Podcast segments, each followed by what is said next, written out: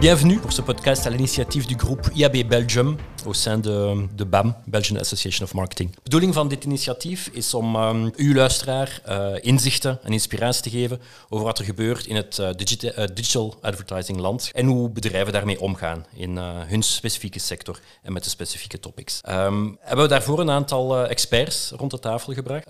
quelques acteurs de différents, différents secteurs. Agence média, régie, les éditeurs et évidemment les annonceurs. Ik ben Bart Lombaert en jullie host vandaag. Maar voor uh, we eraan beginnen uh, en een tour de table uh, starten, misschien even het woord geven aan um, Frederik Martins van, van ING, die hier met twee petjes, petjes zit vandaag, maar dat kan je misschien beter zelf uitleggen. Frederik. Merci Bart. Euh, donc bonjour à tous, merci d'être présent euh, dans, dans, ce podcast. En effet, donc aujourd'hui j'ai deux casquettes. Euh, à la fois, j'ai la chance d'être l'animateur de la communauté IAB que nous avons relancé il y a quelques il y a quelques mois avec un grand challenge qui est d'essayer d'aider le marché euh, dans le domaine du cookie-less advertising. Comment être, euh, se préparer pour continuer à faire euh, notre job dans un environnement qui change et qui devient de plus en plus complexe. Nous avons mis en place un certain nombre d'initiatives des, comme des, des, webinars ou la création de white paper. Et aujourd'hui, nous allons organiser effectivement ce podcast afin d'avoir l'avis de différents acteurs du marché, que ce soit un publisher, euh, agences médias ou annonceurs sur des sujets euh, très, euh, très en vogue, comme le, transfert des données vers les États-Unis ou l'amende qu'a reçue l'IAB Europe pour son framework de cookie transfert, ou encore les alternatives aux cookies tiers comme le floc ou le topic. Merci, merci Frédéric. Wij continuons notre tour de table. Uh, en um, of course, women first. Uh, Anne, begin jij? Ik ben Anne Hanen. Uh, ik werk bij Serious Legal als uh, marketing en relationships manager. Ik um, ben heel blij hier vandaag te zijn. Uh, ik ben weliswaar geen advocaat. Ik ga misschien wel een beetje advocaat van de duivel zijn in dit ronde tafelgesprek. Want na drie jaar in een advocatenkantoor dat gespecialiseerd is in privacy en gegevensbescherming, ken ik wel het klappen van de zweep en weet ik heel goed waarop je moet letten. Dus ik kijk er naar uit. Je suis Patrick, je suis le Head of Technical Operations chez Programmats. Euh, je gère tous nos projets techniques et donc euh, bien évidemment tout ce qui est sur partie cookie, analytics euh, et d'autres, ça nous concerne fortement. Donc, raison pour que je sois ici aujourd'hui. Ok, bienvenue. Bonjour chers auditeurs, euh, Olivier Verrion, donc euh, de Groupe M, euh, je suis product owner. J'ai travaillé plus de 10 ans dans les médias digitaux, donc euh, de la DOPS jusqu'au data analytics. Et euh, ici, bah, chez Groupe M, je gère euh, différents projets euh, et suivi de tous ces projets. Oké, okay, bienvenue. Last but not least. Toon Koppens, uh, welkom in deze podcast. Ik ben verantwoordelijk bij DPG Media België en Nederland voor alles wat betrekking heeft met uh, advertising data en uh, identity oplossingen. Oké. Okay. Um, Let's go, hè. laten we er, uh, erin vliegen. We hebben vier uh, of drie, drie grote, grote topics uh, die ons allemaal bezighouden. Donc trois, trois choses qui sont quand même très, ouais, très relevants, je dirais, aujourd'hui dans, dans, notre business. tout d'abord, il y a le, le contexte de, de l'amende, Frédéric le, le, mentionnait déjà, qu'a eu reçu l'IAB Europe pour son, son framework Transparency and Consent Framework. Est-ce que quelqu'un pourra un peu résumer euh, la situation jusqu'à euh, jusqu'à présent? Olivier, peut-être? Euh, C'est assez simple. Donc, euh, l'ADP, donc euh, l'autorité euh, de protection des, des, données en Belgique, a décidé de porter plainte contre l'IAB Europe concernant la suggestion d'utilisation du TCF, donc un un consentement, une chaîne de consentement pour euh, l'ensemble des, utilisateurs Internet. Et euh, cette, euh, cette chaîne de consentement ne respecterait pas le, GDPR. Ok, ok. Euh, est-ce que, question à, vous tous, est-ce que ça a un impact sur votre business? Toon, misschien even met jou beginnen? Ja, ik denk in essentie uh, gaat dat een impact hebben op, uh, eigenlijk de hele advertising uh, chain. Um, er zijn verschillende factoren aan. Ik denk enerzijds het IAB-TCF-framework was aan de ene kant een goed framework als het, was het eerste framework dat een standaard bracht voor het delen van toestemming uh, in de hele advertising-industrie. Daarvoor was het een beetje de Wild West en dat werd eigenlijk dan eindelijk een standaard. En een standaard is goed. Je ziet vandaag nu nog altijd dat uh, bedrijven zoals uh, of Rossel recentelijk boetes hebben gekregen. Die dateren eigenlijk allemaal van voor het IAB-TCF-tijdperk, waar dat alle bedrijven een beetje hun eigen approach gingen uitvinden om met toestemming om te gaan. Um, dus op zich is dat een framework goed. Langs de andere kant denk je dat het framework wat te veel misbruikt is geworden. Ik denk dat er veel goed gebruik is van gemaakt. Maar er zijn eigenlijk, eigenlijk was het te gemakkelijk een beetje met het uh, framework om toestemming door te geven aan te veel partijen. En kan je je afvragen of die consument die zijn toestemming geeft wel weet, wel een geïnformeerde toestemming heeft kunnen geven met wat er met zijn data gaat gebeuren. Kan je het uitleggen aan je moeder? Wel, sommige scenario's niet. Heel veel scenario's wel. En ik denk dat er heel veel partijen daar op de juiste manier weer werken. Maar je ziet ook partijen die ondertussen ja, de 80% van hun Europa in hun identity en device graphs hebben zitten, omdat ze overal wel ergens op een publisher site zijn toegevoegd. En dat kan je niet verklaren. Dus ik denk dat dat een groot probleem is. Er zijn een aantal dingen die wij volgens ons uit het IAB-TCF-framework moeten gehaald worden. Het feit dat je kinderen kan targeten, het feit dat je targeted advertising kan doen op legitiem belang. Ik denk dat dat dingen zijn waar dat heel de industrie eigenlijk over akkoord is. Die excessen moeten eruit. Langs de andere kant heb je dus nog altijd wel die standaard nodig. En wordt de grote uitdaging, en dat is een uitdaging waar dat heel de industrie mee zit, hoe verzorg je die geïnformeerde toestemming? Hoe ga je aan een consument die op je platform komt in een split second uitleggen van kijk, dit is de value exchange. Je krijgt gratis content, je kan hier gratis nieuws consumeren. In ruil leveren wij gerichte advertenties. Die gerichte advertenties worden uitgeleverd op deze manier door data te delen. En dat is de uitdaging waar we vandaag mee geconfronteerd zijn. Consumenten zeggen wij willen relevante advertenties. Consumenten zeggen wij willen transparantie. Maar langs de andere kant, het gedrocht wat TCF is, met alle verschillende tabs waar dat je de vendors kan gaan aan- en uit, ja, dat is dan weer te veel informatie. En dus ergens moet je in de middel landen waar dat je een geïnformeerde toestemming kan geven voor die toepassingen. En daar staan we nu met z'n allen voor. Gaat dat snel komen? Daar heb ik mijn grote twijfels over, gezien dat het allemaal voor het gerecht is gesleurd, et cetera. Meent het zelfs mogelijk naar het Europees Hoogrechtshof voordat je het weet, zit hij in 2023 ja, alvorens dat we meer duidelijkheid hebben.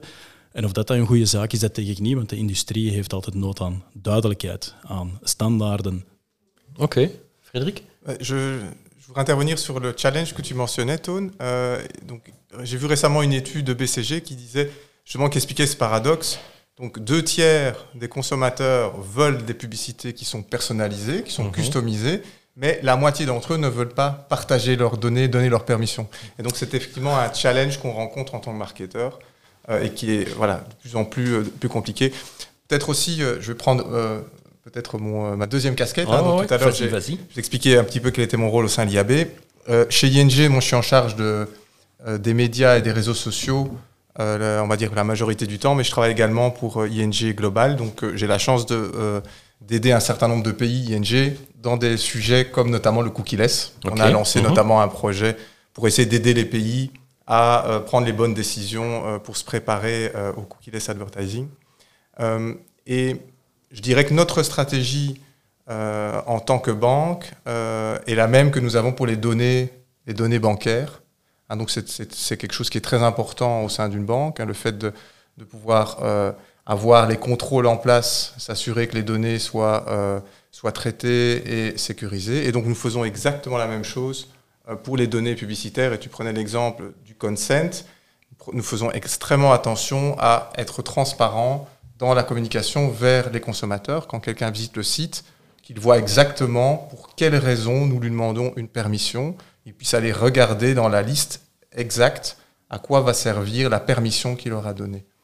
Donc je pense que c'est quelque chose aussi donc, voilà, que, que la majorité des annonceurs doivent faire. C'est au plus on est transparent, au plus on a des chances que euh, l'utilisateur nous donne euh, son consentement pour nous permettre d'être plus relevant dans nos communications. Mhm. Euh, Patrick, Olivier, ou- ou- comment vous gérez tout ça? Comment, how to deal uh, with it? Aujourd'hui, je pense au niveau technique, on a euh, une difficulté qui, euh, on a un seul outil, qui est donc euh, le fameux banner de, consentement, euh, qui, si on demande, je ne sais pas s'il y a déjà une étude sur ça, mais en gros, si on demanderait aujourd'hui les, internautes sur la popularité de ces banners, je pense qu'il y a une forte chance que la réponse va être ils sont pas si populaires que ça, et donc ils embêtent plutôt les visiteurs. Donc aujourd'hui, euh, on n'a pas trop de choix euh, dans sa logique. On n'a pas d'autres outils pour euh, effectivement demander le consommant. Donc on a besoin de ces banners. Mais ils n'aident pas en, général parce que effectivement, ils, ajoutent une friction en fait dans la navigation de, nos visiteurs. Et en général, il y a une tendance de, à cause de cette frustration de, vite se dégager de, de ces bannières et donc de pas forcément interagir avec le contenu. Et donc, même si on veut être euh, transparent euh, sur euh, tout ce qu'on fait derrière avec les data, en fait, il y a déjà une tendance qu'on voit aujourd'hui de, juste vite dégager de cette bannière. Et du coup, il y a de nouveau cette problématique qu'on ne peut pas être si transparent parce qu'à ce moment-là, il faut que l'internaute, le visiteur, s'intéresse aussi un minimum aux informations qu'on veut lui donner et du coup, qu'il peut effectivement prendre une bonne décision par rapport à son data à lui. Et donc, problématique vraiment ici, c'est juste l'outil qu'on a aujourd'hui à disposition, assez compliqué, même si techniquement c'est très clair ce qu'on peut faire, ce qu'on va faire. Mise en place des, systèmes, c'est très bien, mais l'outil en lui n'est pas encore optimal pour le, end user à la fin. Est-ce que quelqu'un a la solution? J'aimerais bien le savoir. Ou euh, une proposition au moins? On va faire des recommandations, que ce soit euh, en tant qu'agence à ses propres annonceurs ou euh, en tant qu'acheteur à l'ensemble des publishers, euh, de demander de respecter la loi, de s'assurer que déjà la base du GDPR soit correctement mise en place, parce que on parle déjà de, d'un côté très high level pour l'instant, mais sur quand même pas mal de sites qu'on consulte tous les jours. Mais il n'y a pas de cookie policy ou il n'y a pas de, de, CMP, CDP qui sont, qui sont générés. Donc c'est vrai que c'est important. Et après, dans, l'ensemble des recommandations qu'on peut faire, ben, c'est s'assurer que l'ensemble du consentement soit demandé pour tous les points. Euh, évaluer et limiter le, nombre de partenaires de données avec lesquels on travaille. Euh, présenter des catégories claires, nettes et précises pour, pour tout ça. Donc, euh, c'est vrai qu'il y a, y, a, y a, plein de choses qui sont faites. Euh, sous les multiples casquettes qu'on peut avoir, ben, en tant que publisher, si jamais on est un agrégateur de publishers, s'assurer que l'ensemble des sites avec lesquels on travaille, les générateurs de contenu, qui ont besoin de, de ce revenu d'argent, ben, respectent les règles, créent euh, une, une, un, un, TCF, un consent string qui soit euh, correctement actif quand il est demandé, quand il est vraiment consenti par l'utilisateur. Et euh, c'est sûr que ce cette string est une sorte de donnée personnelle. C'est un peu qui est, euh, qui est perçu par euh, l'autorité des données. Et donc euh, là, c'est vrai que d'un point de vue, est-ce que c'est une donnée personnelle et est-ce qu'elle devrait être elle-même consentie? Donc j'accepte de donner ce TCF. C'est un peu ça tout le débat. Et c'est un véritable débat avec deux points de vue différents. Donc on peut comprendre l'avis et le point de vue des personnes qui disent non, ma donnée est, très importante. On est tous des consommateurs et on aimerait bien tous que nos données soient correctement respectées. Et de l'autre côté, ben, il y a tout un écosystème euh, financier euh, qui est là de revenus pour le générateur de contenu, qui a besoin de cet argent pour pouvoir proposer quelque chose de gratuit dans la, majorité des cas. Donc euh, c'est vrai que moi souvent ça, me fait rire parce que je pense à mon grand-père qui achetait son journal et euh, bah, il payait son journal déjà, donc le contenu n'était pas gratuit et en plus il avait de la publicité. Donc euh, ici dans, certains cas, bah, pour avoir du contenu de qualité et gratuit, il y a l'ensemble de la publicité qui est nécessaire et oui, l'une des solutions pour ces personnes de générer un revenu supplémentaire, bah, c'est c'est la publicité avec en plus la possibilité d'être euh, d'être ciblé et donc d'avoir une publicité la plus pertinente possible, ce qui est, ce qui est vraiment important. Ik denk daar belangrijk ook aan toe te voegen. Op zich, targeted advertising aan zich is geen issue. Het is het feit, denk ik, ook in het huidige IAB-TCF-case, en wat ook privacy-activisten zeggen, is het feit dat je aan het data aan het broadcasten bent, cookie data in real-time bidding aan het delen bent met honderden partijen, zonder dat die consument eigenlijk een goed beeld daarvan heeft, dat dat de core issue is. En ik denk dat dat core probleem moeilijk op te lossen valt. Dat is het core probleem van het open web en van de open programmatic landscape. Wij als publisher zijn dan ook meer en meer de richting aan het nemen om ja, meer en meer onze business, onze focus te herleggen naar alles wat direct is, deal-based programmatic is, zodanig dat we nog data delen, maar het zal met een heel beperkt aantal partijen zijn, zodanig dat we het ook transparant en helder kunnen uitleggen aan die consument. De tijden zijn over dat we met honderden partijen cookie-data delen voor honderden verschillende uh, doeleinden. En we zijn dat vandaag al aan het doen. Dus de laatste maanden zijn we stelselmatig het aantal vendors dat er in onze cookie-wall zit, ook aan het afvoeren. Ja, dat heeft een impact op ons op korte termijn, maar ik denk dat wij als een beetje gatekeeper naar de consument het onze taak is om dat te doen. Ook denk ik, at the end, het gaat eigenlijk in het hele GDPR-gebeuren over keuze, controle, transparantie. Ja, IAB, TCF was een heel nauwe interpretatie daarvan. We zien dat dat niet volledig voldoet. En je kan er echt vragen bij stellen van het open web distribueren van eh, cookie data, of dat wel is wat je moet doen. Dus we denken van niet en daarom zijn we ook veel meer die focus aan het leggen op alles wat first-party data is, namelijk wij die zelf rechtstreeks van de consument data verzamelen en rechtstreekse samenwerking met adverteerders die ook first-party data hebben. En dan heb je een heel andere relatie in plaats van dat wij cookie data delen met de hele wereld, die daar dan profielen van samenleggen en dan ergens eigenlijk ja, u gaan retargeten terwijl dat je dat heel raar is en heel creepy is, dat cross-domain targeten van users. En users daar ook vooral problemen mee hebben. Het retargeting van iets wat ze een paar weken geleden gezien hebben, dat is vooral het issue. De one-to-one samenwerking tussen publishers en adverteerders die beiden een first-party relatie met die consument hebben en die beiden kunnen uitleggen ook wat er met hun data gebeurt, dat is veel minder creepy en dat gaat wel, dat komt wel overeen met wat die consument verwacht. Relevante advertenties, het feit dat hij nog altijd gratis content kan consumeren, maar zonder de creepiness en zonder het feit dat hij ja, zijn data met honderden partijen deelt, waar dat hij even zelfs niet van op de hoogte is. Oké. Uh, Anne, uh, ja, je hebt hier ook een dubbel, dubbel petje, uh, marketeer, ja, maar ook, um, ik kan niet zeggen halve, halve jurist, maar um, toch vanuit een, een, advocatenbureau. Hoe kijk jij daarnaar? Ja, als ik toon hoor spreken, dan ben ik stiekem eigenlijk wel heel blij dat die boete ooit gevallen is. In die zin dat dat toch wel heel de markt goed heeft wakker geschud. -huh. dus je ziet nu eigenlijk al een shift, zowel bij publishers, maar ook bij marketeers en adverteerders uiteraard, van ja, uw databeleid, dat moet helemaal anders. Uh, ik hoor ook overal roepen van first-party data, super belangrijk natuurlijk, dat is de toekomst. De third-party cookies gaan straks ook gewoon verdwijnen. Dus die first-party data worden natuurlijk de focus van uw onderneming. Wat niet wil zeggen dat je daarvoor geen toestemming nodig hebt. En heel die mhm, first-party mhm. data is natuurlijk ook de GDPR en de e-privacy-richtlijnen zijn daarop van toepassing. Dus er is werk aan de winkel, dat sowieso. Maar stiekem ben ik dus blij dat die boete gevallen is, omdat het een grote eye-opener is geweest voor de markt. Het is natuurlijk minder leuk uh, voor IAB Europe hè, om 250.000 euro te moeten slikken. Maar als ik objectief kijk, en dan zet ik even mijn juristenpet op, mhm. ja, dan is het eigenlijk wel logisch dat die gevallen is. Als je die plaatst in het kader van voorgaande boetes van de afgelopen twee, drie jaar. Ja, het was wachten tot het ging gebeuren. Uh, het is ook geen boete.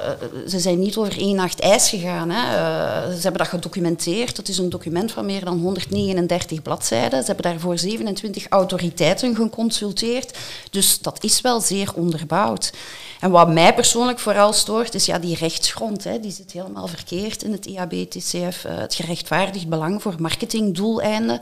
Dat is helaas een uitzondering. Hè. Uh, de GBA mhm. heeft zich daar ook over uitgelaten. En ik ken de details daarover niet, maar uh, gerechtvaardigd belang met een marketingdoeleind is quasi ja, is met uitsterven bedreigd. Hè. Ik zie dat ook vaak bij ons in de praktijk. Hè. Ik zie dataregisters binnenkomen en wat mensen allemaal in hun dataregister aanvinken als gerechtvaardigd belang. Want ja, het heeft een commercieel doeleind en straks is het voortbestaan van mijn onderneming bedreigd als ik deze verwerkingsactiviteit niet meer mag doen. Ja, zo werkt het niet natuurlijk. Mhm. Dus in die zin uh, een eye-opener en ik ben heel blij dat er al stappen gezet worden uh, in de goede richting. Ja, het is een stap in de goede richting om uh, zowel vanuit de industrie als vanuit het kant van gegevensbescherming om elkaar daar ergens te, te voilà, vinden. Oké, okay, super. Um, le mot était déjà, déjà là dans, dans la conversation, les um, third-party cookies, la disparition de, de ceux-là. c'est lié effectivement avec le, le TCF aussi. Euh, qui pourrait peut-être résumer la situation actuelle uh, Toon, doe jij dat even? Ik denk dat we zelfs moeten spreken vandaag over de, de cookieless present. Het is niet meer de cookieless future, third-party cookies. Weet vandaag, minder dan 50% van de browsers is nog addressable. Je hebt 65% Chrome, de rest zijn al niet meer addressable. Denk aan Firefox, Safari, maar ook binnen Chrome moet je uiteindelijk nog cookie syncing en consent rekening mee houden. En uiteindelijk minder dan de helft van de bezoekers vandaag op web zijn nog addressable. Dus we spreken niet over een oplossing voor 2023 of beyond. Het is nu dat we eigenlijk in actie moeten schieten. En ik merk dat dat soms wel eens vergeten wordt, maar het is nu dat we oplossingen moeten zoeken. We hebben geen tijd meer om, om te wachten. En ik denk dat oplossingen gaan verschillende kanten uit, want uiteindelijk, zoals we er juist al zeiden, de consument verwacht nog altijd wel relevante advertenties, enerzijds, maar de adverteerder die verwacht natuurlijk addressability. Die wil nog altijd zoveel mogelijk de juiste boodschap bij de juiste consument op het juiste moment krijgen en die wil zo weinig mogelijk waste in al zijn campagnes. Wat logisch is, daar moeten we uiteindelijk allemaal achter eh, streven. En er zijn verschillende oplossingen die daar in de markt aan het verschijnen zijn. Er zijn een aantal oplossingen die terug een beetje de kantjes er gaan aflopen. De eerste oplossing zijn meer identity-gebaseerde oplossing. De third-party cookie verdwijnt. Ah, laten we dan het e-mailadres als identifier pakken om cross-domain consumenten te identificeren. Of probabilistisch via fingerprinting proberen alles aan elkaar te stitchen. Dan heb je over oplossingen zoals ID5, LiveRamp en gelijkaardige people-based ID's enzovoort. Ja, als het niet cookieless is en het is niet contextueel, en browser-based oplossingen bestaan niet, en het is niet in een walled garden, maar het is open web, dan gebruik je ofwel ID's ofwel fingerprinting. En ik denk beide lopen tegen hetzelfde issue aan als we met de IAB-TCF hebben. Je kan daar hashed e-mails gaan verspreiden in een open market en gaan delen met honderden partijen, maar leg maar eens uit aan die consument, ja, dat e-mailadres dat je bij ons hebt ingegeven, wel, we zijn dat eigenlijk aan het matchen via het omweg van een of andere EUID 2.0 met een e-mailadres van iemand anders bij een bedrijf waar je nog nooit van gehoord hebt, maar waar je toevallig ook in de database zit. Ik denk dat dat heel veel partijen focussen erop, want het is too good to be true. Het is eigenlijk een stukje terug third-party cookie, maar het werkt zelfs cross-device. En we kunnen mooi alles matchen en we hebben een one-on-one match en we kunnen op basis van die universal ID's gaan werken. Wij hebben er ons twijfels bij als DPG. Wij ondersteunen het niet. Wij denken dat het een doodgeboren eh, kind is. Maar ik merk dat er heel veel andere partijen er wel op springen. Voor ons, something to be done with cautious. Hoe denken jullie er dan, uh, dan wel over? Wat is jullie aanpak? We hebben een aantal andere opties. De tweede oplossing, laten we zeggen, we gaan helemaal dat andere einde van het spectrum opzoeken. Contextual. Contextual kennen we allemaal. Ja, contextual vandaag heeft terug zijn belang. Niet voor alle sites, niet voor alle merken, maar contextual is zeker wel een oplossing. Bijvoorbeeld bij DPG hebben wij besloten om tweakers bijvoorbeeld volledig cookieless te maken, third-party cookieless, en volledig in te zetten op contextuele advertising, sponsorship en alles rond. Natuurlijk, de omgeving leent zich goed. Het is heel specifiek. Je hebt heel veel, je hebt een artikel over televisies of een price comparisons over tv. Heel gemakkelijk om daar de juiste advertenties bij te plaatsen. Maar soms moet je het ook niet moeilijker maken. Dus contextual werkt heel goed reissectoren, uh, electronics, uh, finance, finance enzovoort, enzovoort. Vervolgens heb je de browser-gebaseerde oplossingen. En de browser-gebaseerde oplossingen, dat is typisch wat vandaag ja, uh, Google met de privacy sandbox naar voren schuift, met de Topics API voor als je interesse-gebaseerde targeting wil doen, of met de Fletch API als je remarketing-achtige scenario's wil doen. Je hebt er nog andere oplossingen. Je hebt Microsoft die Parakeet naar voren schuift. Je hebt Apple die een aantal eh, SKAD-netwerken naar voren schuift, enzovoort, enzovoort. Vandaag een beetje too early to tell wat het succes gaat worden, want ze bestaan nog niet echt. Ja, ze zijn in origin trials, zoals het noemt. Je kan nu beginnen testen, maar het gaat nog een hele tijd duren vooraleer dat die massaal in de markt uh, beschikbaar komen voor iedereen. Dus dat wordt een beetje afwachten nog wat het brengt. Ik denk Topics API krijgt niet heel veel uh, positieve feedback. Op dat moment wordt eigenlijk je browsing behavior in de browser gekoppeld en wordt elke consument ingedeeld in een vijftal interesse-topics en wordt er nog een zesde arbitrair aan toegevoegd. Maar dat is heel high level. Je gaat ook maar kunnen targeten op een heel beperkt aantal segmenten. Dus daar heb je, maar ga je meer specifiek, dan heb je een privacy-risico. Want je kan ook niet gaan zeggen van ah, die houdt van Amerikaanse roze sneakers, uh, want dan is het weer te specifiek en kan je de consument weer gaan identificeren. En dus dat is een uitdaging met topics. Fletch denk ik heel interessant. Remarketing mogelijkheid, heel veel mogelijkheden. Alleen moet heel de advertising-industrie zich gaan aanpassen, want de auction, waar de advertentie uh, auction, die gebeurt niet meer in het netwerk, maar zou in de browser gebeuren. Nu, het hele advertising ad systeem is daar niet op voorzien. Dus wil je dat dat gaat werken, dan ga je eigenlijk alle partijen moeten laten aanpassen daarnaar. Een groot ander punt dat er ook nog challenging aan is, van ja, als je Google morgen in Chrome, bijvoorbeeld bij topics, alle data bij elkaar laat halen, ze hebben al heel die vraag rond Google Analytics, waar we later op terugkomen. Maar je hebt een soort databroker in de browser. Is dat iets wat je wil of niet wil, om dat bij een partij te leggen in de browser? Het zit wel in de browser, het is niet Google in hun eigen netwerk en systemen. Maar is dat iets wat je wil? To be seen further. Laatste optie, juist al even vermeld, waar wij als DPG dan het hardst op inzetten, is eigenlijk alles wat first-party data betreft. Een rechtstreekse link met adverteerders. DPG uh, eh, zet in om zoveel mogelijk data te verzamelen, rechtstreeks van de consument, maar in een duidelijk uh, exchange ook met die consument. Wel, u kan gratis naar VTM Go kijken, maar we hebben wel nood aan een aantal data. We moeten checken dat je oud genoeg bent, we moeten weten waar je woont, voor de contentrechten enzovoort. Daarbij vragen wij hen ook, geef jij dan ook de toestemming om die data te mogen gebruiken, bijvoorbeeld voor gerichte reclame.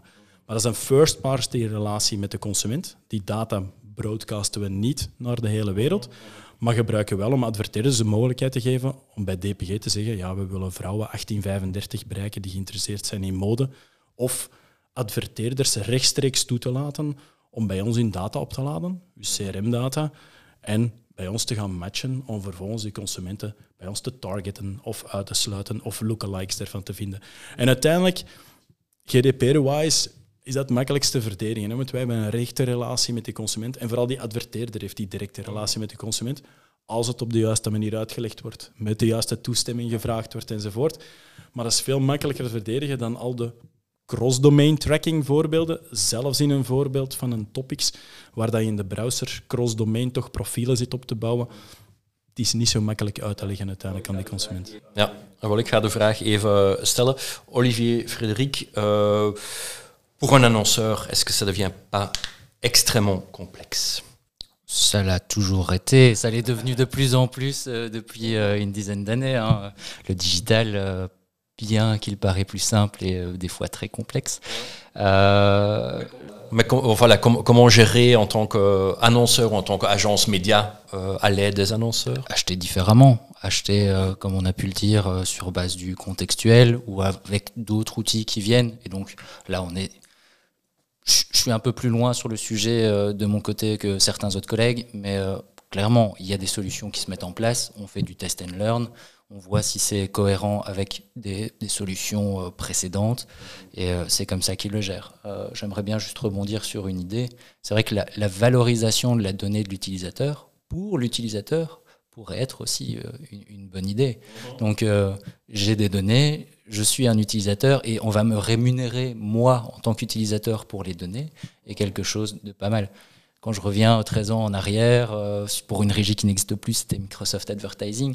Euh, Messenger fonctionnait super bien. Pourquoi? Parce qu'ils avaient euh, le socio-démo qui était là.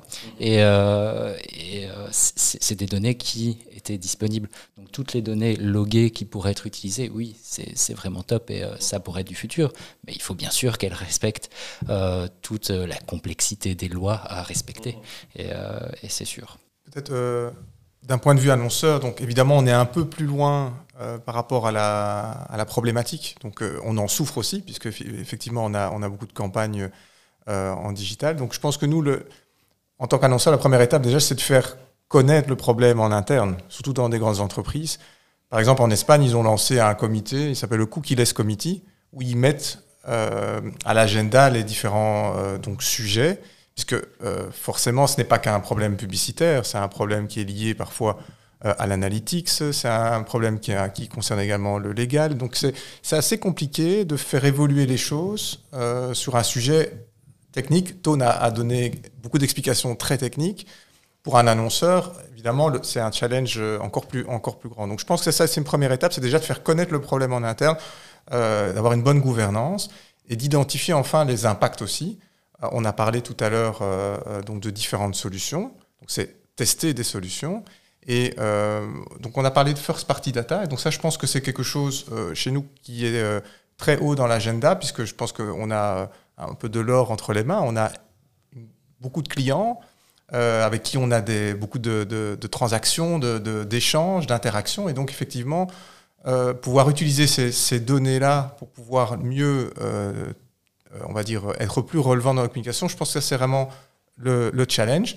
Après, pour revenir à la première question hein, qui était comment est-ce qu'on fait pour optimiser les, on va dire, les permissions marketing, et c'est là que ça devient compliqué, c'est que quand vous demandez à quelqu'un donnez-moi votre autorisation pour être targeté Hein, comme on l'a vu sur certains sites euh, de vente de vêtements 50 euh, fois par jour, évidemment, les gens s'en vont.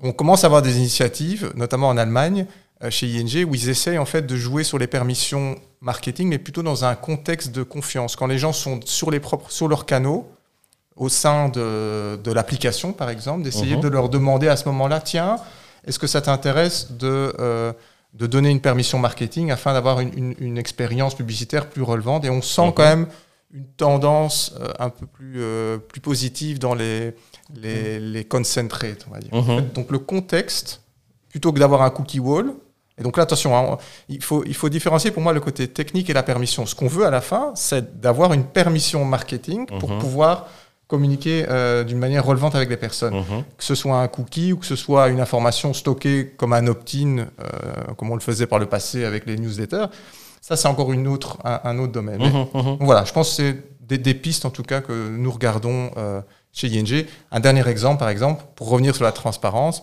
on va lancer ici pendant l'été ce qu'on appelle le Privacy Dashboard. Donc l'idée c'est que donc tout utilisateur, client ING va pouvoir consulter dans son dashboard ses différentes permissions, euh, voilà, sa newsletter, son email, est-ce qu'il est OK pour recevoir euh, des emails transactionnels, euh, promotionnels, etc. Et pouvoir gérer ça de manière très très simple. Mhm. Je, vais, rebondir juste sur la saturation publicitaire dont tu parlais et l'identification d'un utilisateur permet de pouvoir gérer la fréquence publicitaire. Mhm. Donc dire ben, cet utilisateur, je veux le toucher 5, 7 fois avec telle période et c'est quelque chose que les utilisateurs lambda ne se rendent pas compte, mais quand ils ne donnent pas l'autorisation d'identifier par un annonceur ou une agence, ben, euh, il y a cette saturation publicitaire qui va venir. Et c'est très important. Oui, mais je crois que c'est un peu, c'est ce qu'on. oui, non, c'est comme euh, on disait, c'est effectivement se faire comprendre aussi aux consommateurs, aux surfeurs qui, qu'il y a des bénéfices dans tout ça. Ça, c'est euh, un des grands challenges, je crois. Il y a de l'éducationnel à faire envers l'utilisateur final. Dernière question pour euh, Patrick chez euh, Programmat. Est-ce que là, il y a de, l'impact? Et comment vous, gérez euh, tout ça alors? Il y a donc, chez nous beaucoup de clients donc, qui prennent des licences qu'on vend donc, pour par exemple faire la publicité chez Google. Ben, c'est une licence qu'on offre à nos clients, on offre une licence Analytics. Donc oui, ils sont clairement impactés parce qu'il faut d'abord le consentement effectivement pour utiliser ces outils chez nos clients, qui sont maintenant des agences ou des, des advertisers. Et donc, clairement, il faut identifier déjà comment est-ce qu'on peut euh, recevoir le consentement et comment on peut utiliser la plateforme dans la meilleure euh, des capacités légalement euh, parlant. donc là, il y a clairement un impact chez nous et il y a effectivement chez nous beaucoup de clients qui se posent la question mais comment est-ce qu'on peut mettre ces licences, ces outils en place qu'on a aujourd'hui dans un cadre marketing et aussi ben, quels sont des outils qui vont peut-être underperformer une fois qu'on n'a plus des cookies ou si on doit changer le consentement pour ces outils et aussi bah, quelles sont nos, options, qu'est-ce qu'on peut faire dans, le futur une fois qu'on n'a plus un outil ou le third-party cookie dans ce cas-ci? Et comment est-ce qu'on pourrait vraiment euh, conserver en gros notre niveau de performance qu'on a aujourd'hui? Ou est-ce qu'il y a peut-être des meilleures options de, de faire le marketing dans le futur? Donc, euh, surtout beaucoup de questions qu'on a autour euh, de comment est-ce qu'on peut garder notre niveau ou optimiser notre euh, tech stack, si on veut, pour, pour être future-proof. Et surtout, la problématique, c'est même aujourd'hui, on ne sait pas c'est quoi ce futur en soi. On sait qu'on va perdre les cookies. Il y a beaucoup d'options sur le marché. Euh, après, et donc je pense un peu revenir sur cette problématique advertiser à la fin. Euh, Aujourd'hui, si on veut mettre en place une solution cookieless, en fait, j'ai une solution d'une cinquantaine d'options. Et donc, euh, l'avantage qu'on avait aujourd'hui, si on peut banaliser, ben, j'utilise Google, j'ai 70% part de marché. C'est simple. Demain, si je fais euh, Google, Fletch, Flock, peu importe, peut-être pas Flock, mais bon, euh, là, on a une petite partie du part de marché. donc, euh, si on veut exagérer, ben, j'ai un cinquantième de, la solution. Et donc, si je veux faire du marketing assez performant, est-ce que je dois commencer à utiliser mes 50 différentes solutions, installer ça sur mon site ou éduquer mes équipes en interne sur ces 50 différents outils et manières de fonctionner pour faire le marketing comme on fait aujourd'hui? C'est juste impossible. Et donc, ça, c'est le challenge qu'on voit surtout là maintenant avec nos clients. C'est en fait, ce sont quoi les, bons outils à utiliser, ce sont quoi les, bonnes euh, solutions qui nous permettent en fait euh, de faire le marketing dans le futur, comme on le fait plus ou moins comme aujourd'hui parce que si on doit de nouveau onboarder 50 différentes solutions, ça fonctionne peut-être pour un ING, mais ça fonctionne surtout pas pour une petite entreprise euh, qui veut faire le marketing l'année prochaine. peut-être, je peux peut-être intervenir sur la, réaction de Patrick. Donc, euh, je pense pas que ING peut se permettre aussi de tester 50 euh, solutions. et donc, c'est pour ça que je disais qu'on a commencé par se focaliser sur notre, hein, comme je disais, l'or qu'on a entre les mains, c'est-à-dire nos clients et les first party data on est en train d'implémenter, finaliser l'implémentation d'un CDP. C'est pour pouvoir, ne fût-ce que pouvoir avoir une solution hein, euh, d'identité, pour pouvoir euh, utiliser les données des clients, pour pouvoir ne fût-ce que ne pas les irriter, comme tu disais, euh, Olivier, et leur adresser un message, un message relevant. Après, je pense qu'il faut également tester d'autres choses. On parlait de contextuel. C'est le contextuel, on en fait depuis, depuis des années. Il y a des solutions extrêmement performante aujourd'hui avec du keyword targeting. C'est des choses qu'on fait également pour pouvoir, par exemple, éviter certains contextes euh, qui pouvaient être dommageables pour la, réputation, etc. Donc, je pense mhm. qu'il y a des solutions à tester, mais je suis d'accord avec toi, on peut pas partir dans, on peut pas partir dans tous les sens. Il faut un scénario, il faut s'organiser. C'est ça que j'expliquais tout à l'heure. Il faut avoir une, gouvernance et euh, tester quand même, parce qu'on n'a pas, je pense, la solution aujourd'hui miracle pour le remplacement des third party. Ok.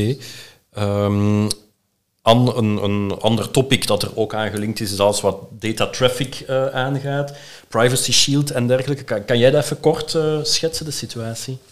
Uh, ja, een tijdje geleden uh, is er een uitspraak geweest door de Oostenrijkse gegevensbeschermingsautoriteit dat het gebruik van Google Analytics eigenlijk illegaal zou zijn. Uh -huh. Dat was een keiharde beslissing. Ik denk dat wij daar zelf bij Serious Legal ook even van geschrokken waren. -huh. Maar opnieuw, als je dan kijkt naar de inhoud van die boete en ze sommen de feiten op, ja, dan weet ik dat de advocaten bij ons op kantoor zeiden, ja, terecht. Mhm. Langs de andere kant, uh, ja, we zijn ook ondernemers natuurlijk. Mhm. Uh, en dan denk je wel van, oei, Google Analytics, ja. dat wordt hier wel bij 85% van de ondernemingen in België gebruikt. Als je mhm. dat zomaar even onderuit haalt, ja, dat is niet evident. Uh, wat heb ik zelf gedaan? Uiteraard, ja, ik moest het voorbeeld geven. Dus ik heb Google Analytics, ik denk een week na die uitspraak, gekild en vervangen door iets anders. Okay. Ja, als advocatenkantoor in privacy en gegevensbescherming kan je niet anders. Uh, uh, wij organiseren er ook een webinar over, dus er was wel heel veel tractie online -huh. over dat topic. Um, maar wat ik eigenlijk vooral frappant vind, uh, die uitspraak is er nu sinds enkele maanden, maar dat probleem is op zich niet nieuw. Hè. Het probleem gaat over data-export buiten de Europese economische ruimte, uh -huh, zoals uh -huh. we mhm. dat dan zo zeggen. Uh, dat kan eigenlijk al niet meer sinds juli 2020. Maar dat is nu eigenlijk pas in België aan de oppervlakte gekomen, omdat een grote naam sneuvelt, zoals een Google Analytics. Mhm. Dus dat vind ik altijd interessant om te zien hoe afwachtend de Belg is, totdat er iets groot gebeurt en dan gaan ineens alle ogen open.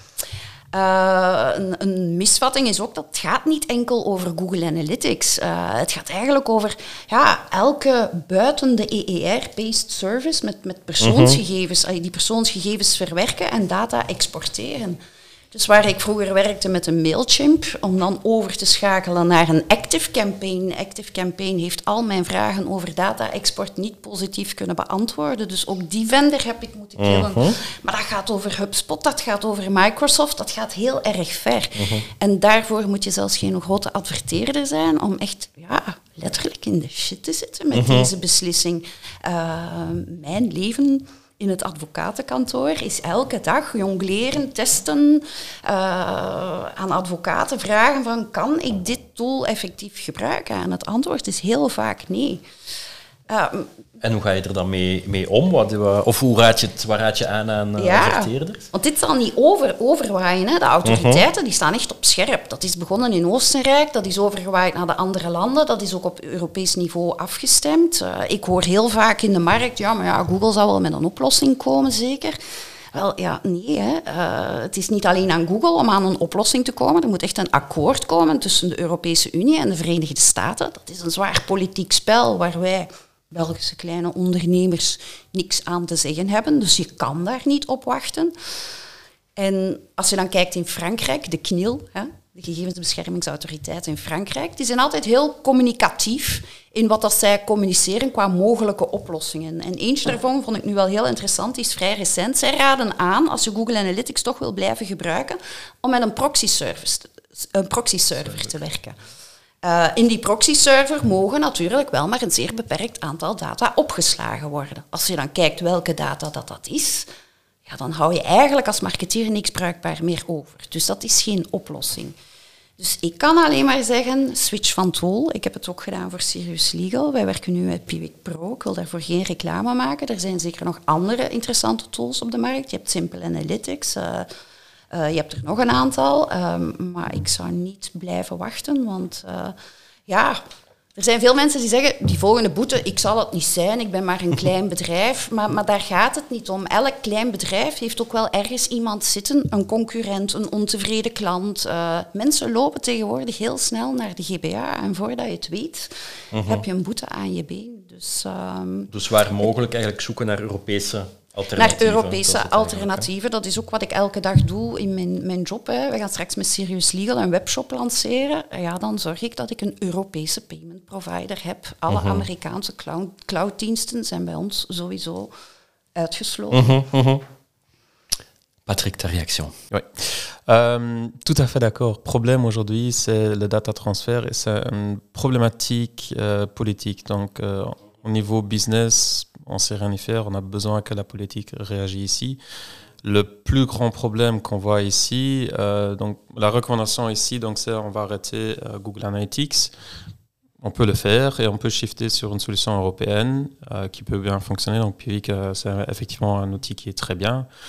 Euh, le problème, c'est euh, ici, donc j'arrête Google Analytics. Le prochain que arrêter, c'est Google Ads, Facebook Ads. Euh, je vais arrêter Amazon. Et donc, ça s'arrête plus. Et donc, si on regarde aujourd'hui notre landscape au niveau marketing digital, j'ai pas d'alternative européenne ou en, grand compliant dans, cette logique-là. Et donc, ça, la problématique, euh, ça, reste euh, si je veux faire le marketing. Et donc, je, reviens toujours dans un peu cette comparaison. Si je suis une grande entreprise, je peux peut-être me permettre de faire un, targeting plus large. Je veux cibler la Belgique pour une entreprise. Si j'ai l'argent pour le faire, je peux le faire. Et du coup, je peux me permettre, avec un grand budget, de, de cibler la Belgique. Et peut-être il y a effectivement des solutions ici locales qui peuvent me permettre de le faire. Mais là, il me faut un budget conséquent pour une entreprise qui a un budget plus restreint, on a besoin d'un targeting plus précis. Et donc là, on a besoin de, solutions qui nous permettent de faire justement ce targeting précis, maintenant du topic targeting, context targeting, d'autres choses. Euh, et là, la problématique qu'on a aujourd'hui, c'est que les solutions européennes ne sont pas suffisamment bien comparées avec ce qu'on a l'habitude de travailler aujourd'hui, euh, ce que les solutions américaines nous pr proposent comme solution. Et donc, Là, on a effectivement juste la problématique. Si on commence à arrêter euh, les solutions, ben, en fait, si on commence avec Google, ben, il faut arrêter tout le reste aussi. Et donc là, euh, au niveau marketing digital, euh, on revient au Stone Age à la fin, malheureusement. Ja, dat is wat ik soms denk. Allee, 22 jaar geleden deed ik een van de eerste bannercampagnes hier in België. En, en ja, ik begrijp heel goed wat de impact is op jullie, jullie werk en de mediaplanners van vandaag. Dat die soms eigenlijk ja, teruggecatapulteerd gaan worden naar de, de online marketing van 20 jaar geleden. Maar ook daar is soms iets positiefs in, want wat ik vandaag de dag soms mis in heel die online marketing en vooral in de, in, in de creaties is zo, ja, die mooie campagnes met stopping power die echt ja, barsten van creativiteit. Je ziet dat nog heel weinig. En ik hoop eigenlijk dat dat terugkomt. ik weet heel goed, hè, eh, vandaag de dag rekenen we in return on ad spend. Ik weet ook dat dat geen antwoord is hè, op, op, op dat probleem en op het voeren van efficiënte campagnes. Maar ik hoop toch ook dat er een shift gaat komen naar ja, meer brandingcampagnes, bakken creativiteit en dat de agencies vandaag in het land uh, ja, het beste van zichzelf mogen geven. Mm -hmm. um, une question que je vais pas poser à, à Toon, mais à Olivier et Frédéric. Est-ce que ça pourrait être un avantage pour les acteurs belges, les éditeurs belges par exemple? Oui, je pense même que euh, au sein, allez, on a des pépites belges aussi hein, dans le dans le Martech. Je pense qu'on a beaucoup de, de sociétés belges Mhm, qui, mhm. euh, qui sont très performantes. Euh, au sein de la BAM d'ailleurs, on a on a fait la promotion. donc vous voyez ce slide, le ugly slide avec le AdTech World euh, qui, qui sont souvent utilisés dans les mauvaises présentations hein, pour faire peur euh, aux annonceurs qui comprennent rien. Enfin, à qui on fait croire qu'ils comprennent rien. Euh, et ben maintenant, on a une version euh, peut-être plus, je pense, plus Ouais. euh, plus relevante avec Mhm. tous les acteurs belges. Donc oui, je pense Mhm. qu'il y a une, oppor- il y a une opportunité. Après, oui, c'est une- c'est une question business très compliquée. Je ne suis pas certain que c'est une stratégie gagnante de mettre tout son, euh, on va dire, euh, d'investir complètement dans une seule tech, même si je, je Mhm. connais aussi bien l'avantage du full stack, euh, hein, d'avoir les mêmes, les Mhm, outils mhm. qui, connectent, qui, qui se connectent euh, entre eux. Donc voilà, je pense qu'il faut trouver un équilibre entre effectivement des solutions qui sont pérennes, des solutions qui vont quand même nous permettre de faire également un, un bon travail en termes de, de connectivité d'efficacité. Euh, et voilà, moi j'utilise euh, voilà, plusieurs, plusieurs solutions et donc je peux entendre certains peut- peut-être plus petits annonceurs ne peuvent pas se permettre d'avoir euh, plusieurs, plusieurs solutions et c'est plus simple d'aller vers un, un stack complet, parfois même le stack gratuit de certains players. Donc voilà, c'est une question très compliquée Mhm. euh, et moi je crois beaucoup aussi en la, dans la fair share, donc je pense qu'on est euh, présent sur le marché belge en tant que- en tant qu'annonceur et donc c'est notre devoir aussi de d'être présent euh, sur les, les audiences belges, sur les sites Mhm, belges. mhm. euh, et, euh, et voilà, après, euh, utiliser des solutions performantes afin de faire un bon marketing, c'est aussi dans, notre, Mhm. dans nos objectifs. devoir. C'est notre Oh, devoir également. Tout à fait. Olivier? Pour ma part, concernant les solutions belges, je ne les connais pas. Par contre, euh, je peux chercher des investisseurs pour créer un Google belge hein, euh, et européen dans ce cas-ci. Euh, mais blague à part, oui, on a un outil de pointe qui est reconnu, utilisé depuis une, paire d'années. Et voilà, ça serait peut-être bien aussi à Google. Et je pense que en tant que petit Belge, demander ça à Google, c'est un peu, allez, comment dire, inutile de le dire, mais voilà, Google a des super data centers à Mons, par exemple. Pourquoi ne pas penser à une régionalisation de certaines données et pouvoir travailler en autarcie sur certaines régions pour euh, apporter des solutions à ce genre de problème? Après, mon point de vue personnel, c'est qu'on est dans un monde mondial.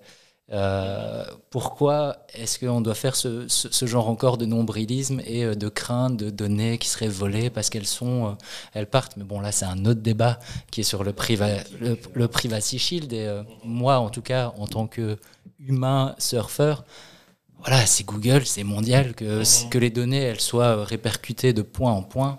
C'est pas un problème pour moi. Après, c'est certainement un problème pour d'autres. Et c'est pour ça que bah, il se faut, il faut absolument qu'on qu'on trouve des solutions pour régler ce problème et continuer à utiliser des outils qui fonctionnent bien. Voilà. Mais s'il y en a d'autres, on peut en utiliser d'autres et les tester. Et après, euh, c'était par rapport à, l'autre point, les changements d'outils et d'utilisation d'un point de vue performance de campagne. Mais c'est vrai que si on change l'habitude euh, de monitoring d'une campagne, ben, il faut pouvoir s'assurer de, mesurer la même performance. Donc euh, voilà. Donc si euh, on a une première méthodologie d'achat en année euh, 1 et en année 2, on a une autre méthodologie d'achat et qu'on la compare en plus peut-être avec deux outils différents, parce que c'est vrai que moi le sujet c'est implémenter GA4, c'est important de faire le switch sur la nouvelle version et euh, avoir les deux limités en même temps. Mais c'est vrai que si euh, de toute façon avec le Privacy Shield on vous dit Google Analytics c'est interdit, euh, ne l'utilisez plus parce que vous serez dans l'illégalité. C'est un peu plus embêtant de passer sur des switches de version plutôt que arrêter une version complète. Mm Toon, voor heb ik twee vragen. Eén, hebben jullie als lokale speler daar zelf last van, van uh, het hele uh, Privacy Shield gebeuren? En twee, ja, welke voordelen zien jullie uh, van wat er gebeurt? Ik, enerzijds hebben we bijvoorbeeld op vlak van analytics drie jaar geleden eigenlijk besloten om Google Analytics te verlaten volledig. Een van de redenen was data, privacy. Een belangrijke reden was eigenlijk het gebeuren van ja, het werd veel te duur voor het aantal events, miljarden events die wij per dag uitstuurden. Met als gevolg dat we overgegaan zijn naar een Europese speler, Snowplow. En die mogelijk maakt om volledig end-to-end alle events te trekken op al onze sites. En elke video start en elke minuut video, et te meten. Dus voor ons speelt dat probleem vandaag niet. We hebben daar ook een hele ja, ontgoogling-strategie al een hele tijd bij DPG Media. Want voor ons natuurlijk concurrent nummer één, laten we zeggen, in België voor uh, advertentiebedragen. en ik denk daar inderdaad als lokale speler zetten wij onze voet meer en meer naast uh, internationale spelers zoals Google en Facebook. Ik denk het eerste was natuurlijk altijd bereik. Ik denk op het vlak van bereik door het samengaan van Medialand Persgroep in het verleden en nu door de acquisitie samen met Rossel van RTL, dat we ook nationaal bereik kunnen aanleveren aan de spelers. Dat was altijd een belangrijke. Maar ten tweede ook, ja, de tools, de tools van Facebook en Google werken goed. We hebben de laatste jaren enorm veel geïnvesteerd en zijn er gaan te investeren aan eigen tools te kunnen aanbieden.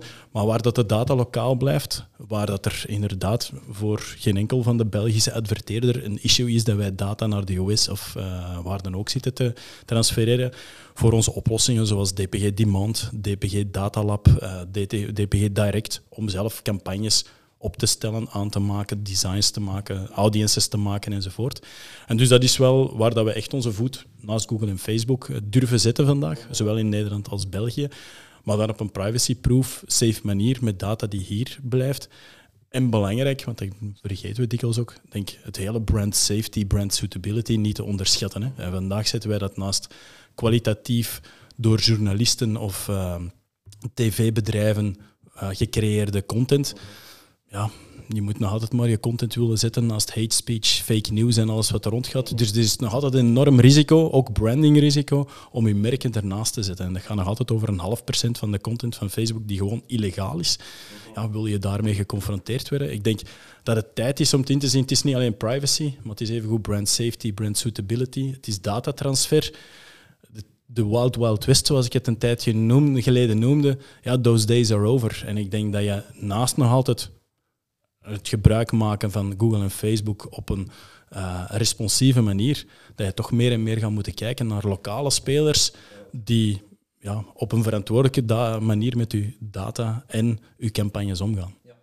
Ja, oké. Okay. J'ai encore une dernière, une toute dernière question pour uh, vous tous. Uh, en ik ga met jou beginnen aan. Want je hebt nog iets toe te voegen. Maar ik heb ook nog een vraag.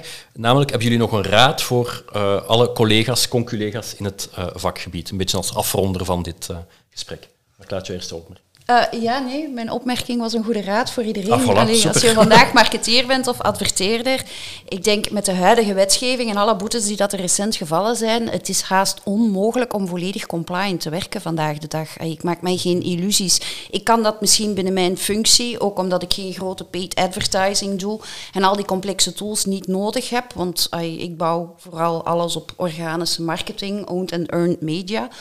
Um, de enige tip die ik dan kan geven is als je dan toch verder gaat met dit type tools, uh, zorg dat je alles documenteert. Zorg dat uw DPIA's in orde zijn, uw DTIA's zoals het tegenwoordig noemt, hè, uh, de Transfer Impact Assessments. Zorg dat alles perfect in uw dataregister staat. Uh, zorg dat als de GBA straks eens bij u langskomt, dat je een heel register kunt open doen en dat jij kan aantonen dat jij echt ja, uw prioriteiten hebt gesteld. Welke data zijn supergevoelig? Hoe heb ik die afgeschermd? Welke extra technische en organisatorische maatregelen neem ik? Werk ik met encryptie, et cetera? Zorg dat dat allemaal gedocumenteerd is. En ik denk dat dat eerlijk gezegd al een wereld van verschil maakt. Want laat ons eerlijk zijn, 100% compliant werken, dat gaat niet. Mm -hmm. Hele goede tip, dank je.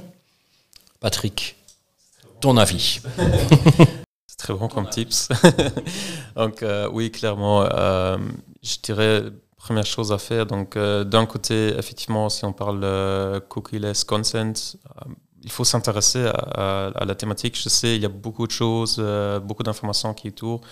Euh, et donc, il faut à un moment donné vraiment s'intéresser et aller lire euh, les articles, regarder des vidéos, hein, peu importe, mais vraiment s'informer autour de toutes ces thématiques assez importantes. et par la suite aussi regarder en interne, effectivement, qu'est-ce qu'on fait, quelles sont nos solutions qu'on a aujourd'hui en place. déjà, est-ce que tout ce qu'on fait est minimum, maximum compliant. On sait tous, c'est très compliqué, euh, mais il y a des choses très simples. Est-ce que je demande déjà le consentement? Commençons par là. Euh, et vraiment construire step by step euh, cette direction, se documenter, donc tout ce qu'on fait, tout ce qu'on traque. Éviter, si c'est pas nécessaire, pourquoi traquer une information? Si c'est pas nécessaire, aussi limiter le data qui est collectionné pour éviter le risque par la suite. et de là, on peut vraiment construire quelque chose qui tient la route, qui peut venir privacy safe, même jusqu'à un maximum, j'ai envie de dire, dans le possible, bien sûr. Euh, et on peut construire effectivement quelque chose qui va dans, dans une compliance si maximale qu'on peut faire dans le cadre du travail. Mais ça nécessite effectivement qu'on s'intéresse, qu'on va regarder les informations, chercher des informations. Mhm. Ok, merci. Olivier Pour ma part, en un seul mot, hein, consentement. Dire oui, c'est oui, dire non, c'est non, et il faut le respecter. Et petite anecdote, euh, c'est vrai que entre l'invitation pour ce podcast et le podcast, ben, par exemple en Belgique, euh, euh, on a fait la réforme du code civil sexuel où maintenant dans le code euh, il faut le consentement de avant. et, ça, ça c'est dingue parce que ça veut dire que quatre ans après le GDPR, on s'inquiétait plus des données privées que des relations sexuelles en Belgique. Mhm. Donc euh, j'ai envie de me dire que ce code civil a été updaté grâce au GDPR et qu'on s'est rendu compte que le consentement n'est pas que dans la, les données privées, elle est aussi dans la vie constante. Ok, merci. Toon, jouw raad? Denk je zeker een raad naar adverteerders is jouw werk aan je first-party data strategie. De tijden zijn over dat je zomaar kan relyen op third-party data die overal uit de lucht komt uh, gevallen. Die gaan ook niet terugkomen. Dus je zal het met je first-party data of contextueel moeten doen. Um, of first-party data van andere partijen die die rechtstreeks van, uh, gekregen hebben. Um, en dus wees voorzichtig met partijen die vandaag beloven dat ze jou de nek plus ultra kunnen aantonen rond retargeting en remarketing. Want er bestaan er ongelooflijk veel die allemaal de beste oplossing, die een ideale cookieless oplossing hebben vandaag ja, wees kritisch daarop, want in 99% van de gevallen gaan ze de privacy-test niet doorstaan. Oké, okay, dankjewel. Frédéric, à toi de conclure cette, cette table ronde. Mais peut-être aussi euh, donner aussi un, con un, un conseil d'un point ouais. de vue hein, advertiser. Euh, je rejoins un petit peu le conseil de Anne. Je pense que le conseil que je donnerais, c'est be in control of your data. Et donc, comme on le fait pour les, des données bancaires et de sécurité, hein, par exemple, euh, consulter son solde, ce n'est pas la même chose que d'effectuer un paiement de euh, plusieurs centaines de milliers d'euros vers un compte dans un autre pays. Et donc la, la, sécurité, elle, est adaptée. Le contrôle qu'on va avoir va être adapté au type d'activité. Et je pense qu'on doit faire la mhm. même chose dans le cadre de nos données publicitaires. Hein, et de pouvoir avoir les, les, les, process en place, les contrôles en place, les consents en place. donc, et puis je dirais également, bah, rester pragmatique. J'aime bien aussi l'idée, à un moment bah voilà, euh, on a parlé tout à l'heure de, différents euh, euh, browsers et d'impact. Donc, voyez, identifiez l'impact sur vos activités. Il y a des zones qui ne sont pas très impactées. Mhm. Il y en a d'autres qui le sont fort. Et donc, voilà, restez, restez pragmatique.